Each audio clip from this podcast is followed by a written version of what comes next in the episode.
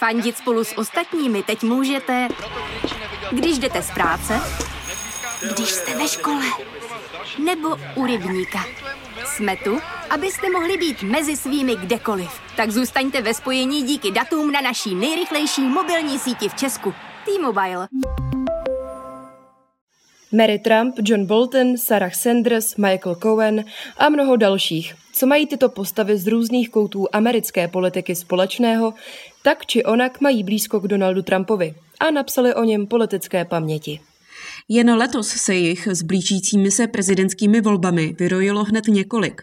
Poslední takovou knihu vydal před týdnem Trumpův bývalý právník Michael Cohen. Jakou tradici mají v USA politické memoáry? To, co se děje doma, vám řeknou naši kolegové. S námi se podíváte ven, za hranice. Z domácí izolace, kde teď víceméně sídlí seznam zprávy, vás zdraví Jolana Humpálová. A Eva Soukeníková.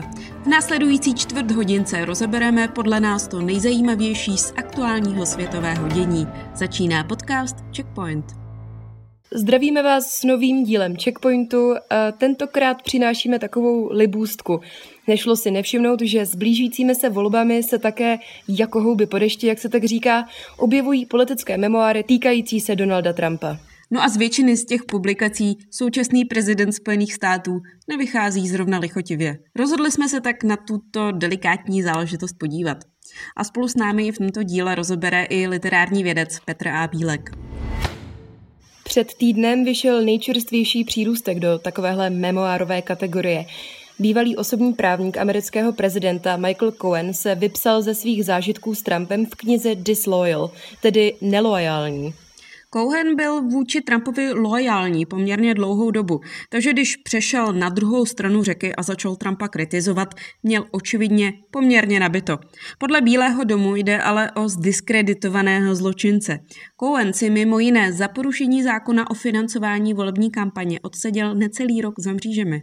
I have to make amends to my wife, my daughter, my son, and to this country. And as I stated once to uh, George Stephanopoulos several years ago, my loyalty is to my family and to this country. V hutné knize popisuje třeba údajné sexistické i rasistické chování svého bývalého šéfa a zmiňuje také i takzvané gangsterské praktiky, kterými třeba Trump zastrašuje novináře. A popisuje třeba i obdiv, který prezident údajně chová vůči svému ruskému protějšku Vladimiru Putinovi. Cohen v textu mluví i o své vlastní roli, kterou po boku Trumpa sehrál.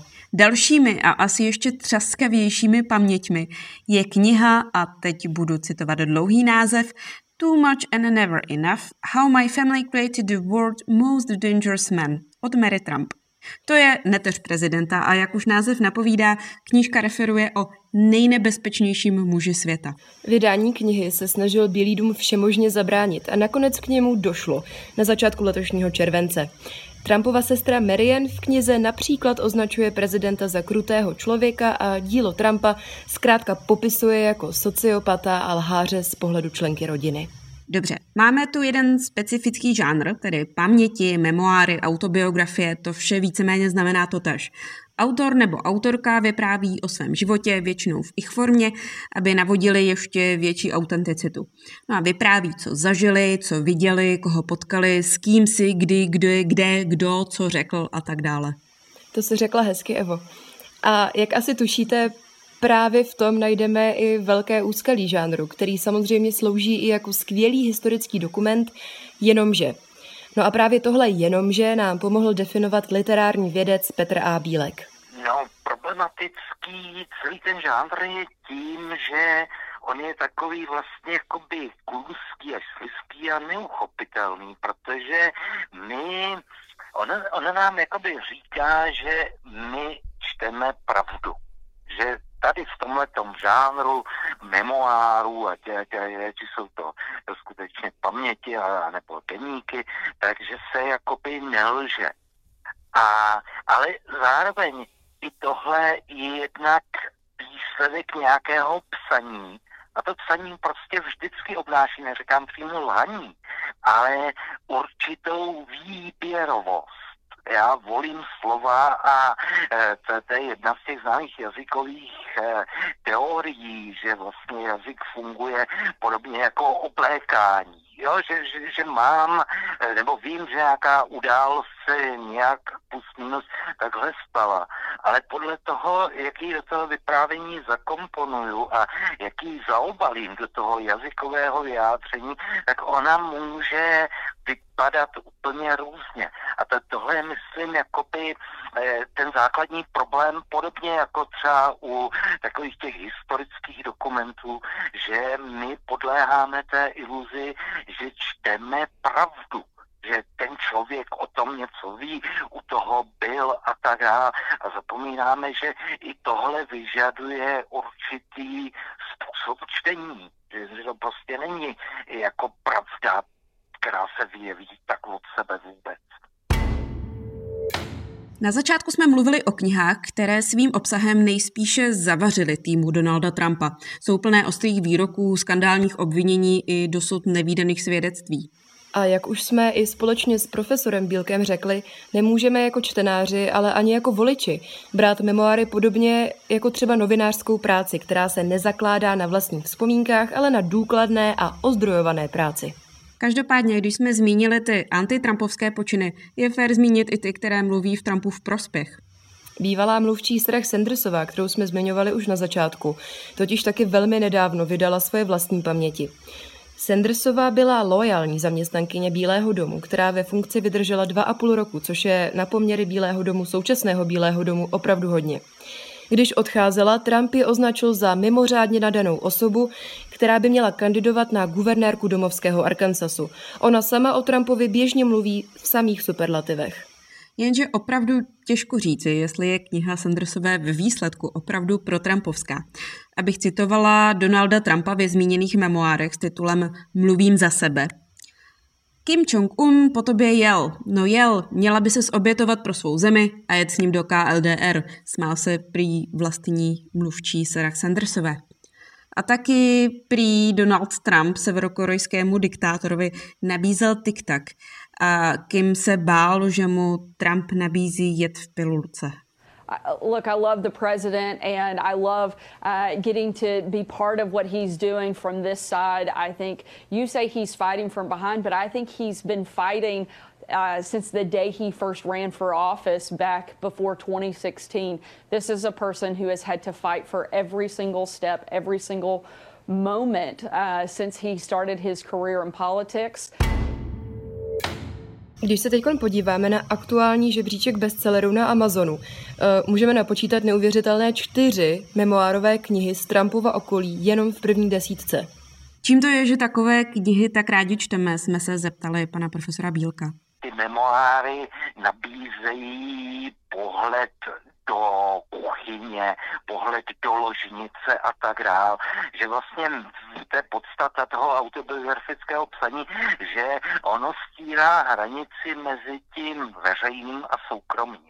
Jo, že, že součástí jakoby toho autobiografického paktu je to, že já těm milí čtenáři pozvu skutečně sám k sobě takovému, jaký jsem, a to je i, i do toho soukromí. A tohle je zase něco, na co my nejsme běžně zvyklí a tím pádem tomu snadno a ochotně podléháme, jo? Že, že jsme za to vděční a že opět jakoby vnímáme, že když už jsme byli pozváni do tohohle světa, tak e, nám bylo dopřáno vidět ten svět takový, jaký skutečně je. A nedochází nám, že i tady se vlastně ocitáme v nějakém teráriu nebo v nějaké expozici, že, že, že ta pozvánka do toho privátního světa je vlastně vždycky naaranžovaná s nějakou strategií, s nějakým účelem a tak dále. V souvislosti s memoáry, byť i těmi politickými, se nedá mluvit jenom o těch týkajících se prezidenta Trumpa. I když je to samozřejmě lákavá disciplína, protože tolik emocí ve svém okolí nejspíš žádný jiný prezident nevyvolal. V Americe mají takové paměti každopádně bohatou tradici. Stačí se letme porozhlédnout. Se svými zážitky a zkušenostmi se s americkou veřejností museli podělit prakticky všichni, co byli alespoň na chvíli na výsluní. No roli samozřejmě hraje i finanční motivace. Bill Clinton třeba dostal 15 milionů dolarů za svůj memoár My Time, Hillary Clintonová si pak za napsání pamětí Hard Choices vydělala minimálně 11,5 milionu dolarů a manželé Obamovi za své paměti ve společné smlouvě uzavřené v roce 2017 dostali přes 65 milionů dolarů. A pokračujeme dál. Svou autobiografií se může chlubit také ex-manželka Trumpa Ivana, stejně jako jejich společná dcera Ivanka. A neměli bychom zapomínat ani na kategorii prvních dam. Michelle Obamová napsala bestseller Becoming a v karanténě začala mimochodem dělat i svůj podcast. I am from the south side of Chicago. That tells you as much about me as you need to know. It was a typical working class community some good music, some good barbecue, some good times. Já už jsem ji sice zmiňovala, ale do kategorie First Lady i politického odpadlíka, řekněme, se řadí právě i Hillary Clintonová, která má na svém kontě memoárových knih hned několik. Paměti se psal i kandidát, neúspěšný kandidát na demokratického kandidáta, tedy lidsky řečeno Pete Buttigieg a jeho kolegyně Kamala Harris. Ta v tuhle chvíli kandiduje na víceprezidentku USA. Jak už jsme mnohokrát řekli, memoáry jsou z mnoha důvodů velmi problematické. Zasahují ale vlastně do reálného politického dění? No vlastně ano, načasování, vydávání všech pro i proti Trumpovských knih není náhodné. Za několik týdnů tu máme samozřejmě prezidentské volby. A i Trumpův tým si toho je vědom. Například memoáry Mary Trump nebo Michaela Cowena málem nevyšly a nakladatelé i samotní autoři skončili až u soudu. Třeba Mary Trump se týká taková rodinná smlouva, která zakazuje členům rodiny Donalda Trumpa vynášet ven špinavé prádlo. Jenže soudce dal Mary Trump s jejími paměťmi zelenou. A to proto, že si podle něj američtí občané zaslouží vědět všechny dostupné informace o svém prezidentovi kdyby někdo eh, napsal cokoliv z Bílého domu, ale formou románu, tak je tam vlastně eh, ta licence, že, jo? že jakákoliv podobnost je čistě náhodná. Když to tady vlastně se o, o, o, odehrává a působí ta, ta síla toho dokumentu, že, že, že když už si to někdo dovolí napsat, zobrazit a vynést na veřejnost. Takže na tom něco musí být a plus ještě myslím, že je fascinující, jak vlastně celá tahle ta konjunktura tak vytváří takovou tu polifonii, celou síť, protože to nejsou jakoby jedny memoáry které to všechno shrnou z nějakého hegemonického pohledu toho, kdo to píše. Ale prostě to memoáry střídají memoáry a tím pádem ten obraz se neustále jakoby koriguje. To, co zobrazí jeden, tak ten druhý eh, převede do nějaké trošku jiné podoby a tak dál. Takže tady vzniká vlastně celý jakoby memoárový seriál, který zase e, bude zvláštní tím, že e, ty memoáry vlastně už e, běžný čtenář americký nebude schopný učit. Jo? Takže si z toho zase bude vybírat jenom něco, nebo bude závislý na to těch zprostředkováních, na tom, co se o těchto těch knížkách napíše. A jak je to vlastně s memoáry nebo politickými memoáry u nás? Taková záplava memoárů se vlastně nevyhla ani Česku. V poslední době se dá mluvit třeba o autobiografii Roberta Šlachty nebo knize sociologa Daniela Prokopa Slepé skvrny. A samozřejmě nesmíme zapomenout na tři memoáry Tomáše Řepky. Těch děl, které se často objeví spíš ve výběru levných knih před Vánoci, v Česku taky není málo. Jak ale vysvětluje v posledním příspěvku profesor Bílek, není tu taková tradice jako v Americe tak jako nějaká tradice tady je, ale e, zase asi je to, řekl bych, vlastně nesrovnatelné, protože e, ta tradice jde e, dávno do minulosti, jo, jde, jde do první republiky. A tím pádem i ten žánr těch memoárů je vlastně dneska už e, z dnešního pohledu výrazně muzeální, že, že to jsou taková ta ukázněná vzorová vyprávění v tom stylu hodných školák Kája Mařík. Jo, a potom vlastně ta tradice byla těmi 40 lety komunismu pod potlačená, jo, nebo vycházely jenom tyhle ty memoáry šustící papírem, sepisovali za Ludvíka Svobodu a, a další tyhle ty figury.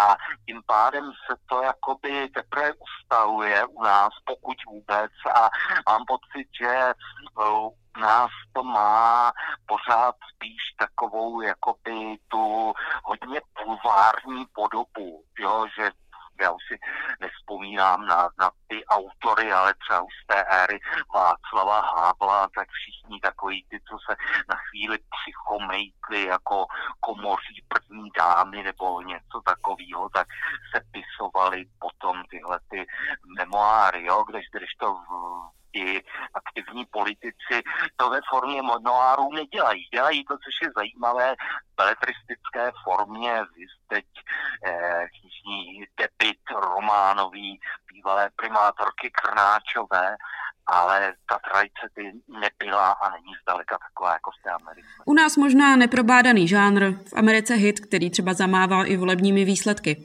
Uvidíme na začátku listopadu. Zatím se můžeme třeba vsadit, kolik memoárů do prezidentských voleb v USA ještě vyjde.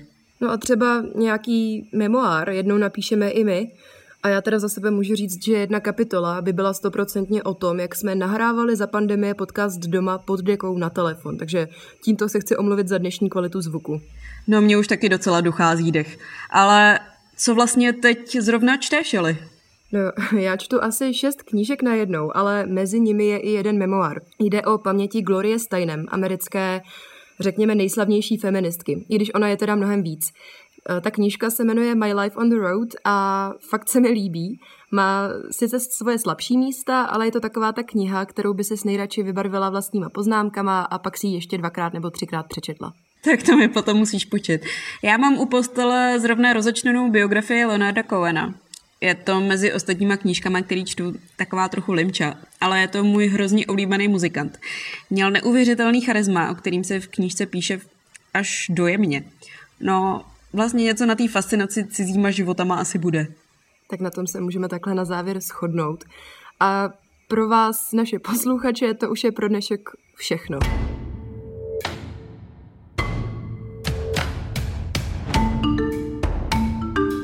Díky, že nás posloucháte a budeme rádi, když nám to i ukážete v recenzích na Apple Podcast nebo když o nás třeba tweetnete. Já jsem na Twitteru jako Eva Potržítko Souk a Jola jako Jolana Potržítko H. Tak se mějte hezky. Z domácí izolace vás zdraví Jolana. A z podpeřiny z David vás zdraví Eva.